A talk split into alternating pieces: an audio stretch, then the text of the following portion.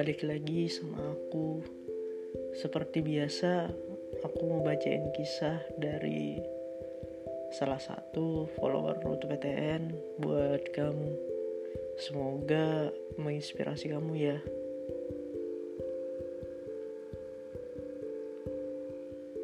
Jadi aku itu lulusan tahun 2020. Nah, dulu aku dapat kesempatan buat daftar senam PTN.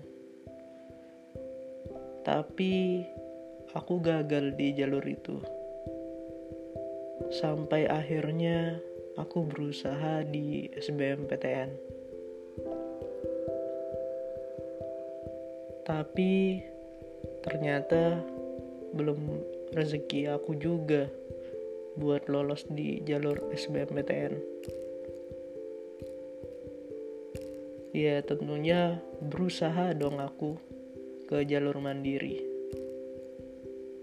Tapi hasilnya nihil.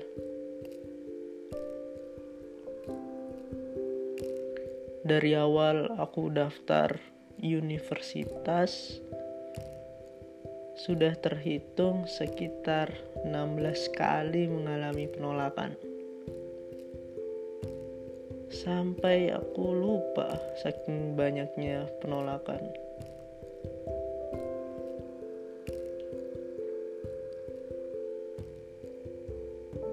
Dan lanjut cerita, di hari terakhir perjuanganku, aku gagal jadi hari itu aku kacau dalam membaca pengumuman kalau ternyata aku ditolak di Universitas Harapan terakhirku.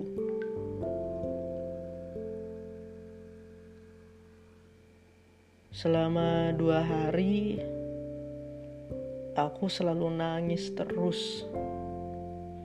Ya, rasanya sedih banget pasti apalagi keinget dulu aku sempet les sana sini pokoknya. Dan kalau diingat lagi yang menyangkut dunia perkuliahan aku jadi nangis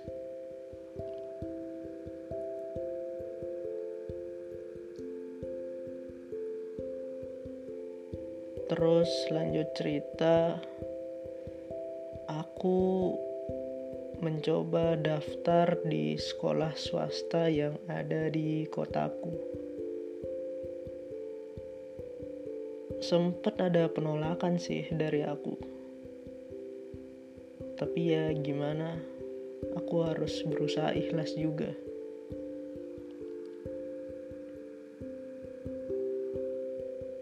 Oh iya aku juga mau kasih tahu.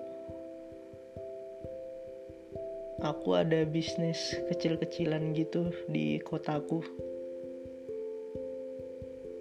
Dan itu buat aku jadi takut ninggalin juga bisnis yang udah aku bangun. Ditambah lagi orang tua aku bilang gini udah kamu sekolah di sini aja yang penting dapat ilmu dan sesuai jurusannya. Siapa tahu tahun depan kamu bisa lebih sukses dari teman kamu. Kamu bisa beli rumah sendiri tahun depan. Kan kita tidak tahu, hanya Allah yang mengatur segalanya. Lalu dari situ aku sadar mungkin aku ditakdirkan buat sekolah di kota aku. Tanpa perlu keluar kota ninggalin orang tua dan bisnis aku. Siapa tahu juga di sini jalan rezeki aku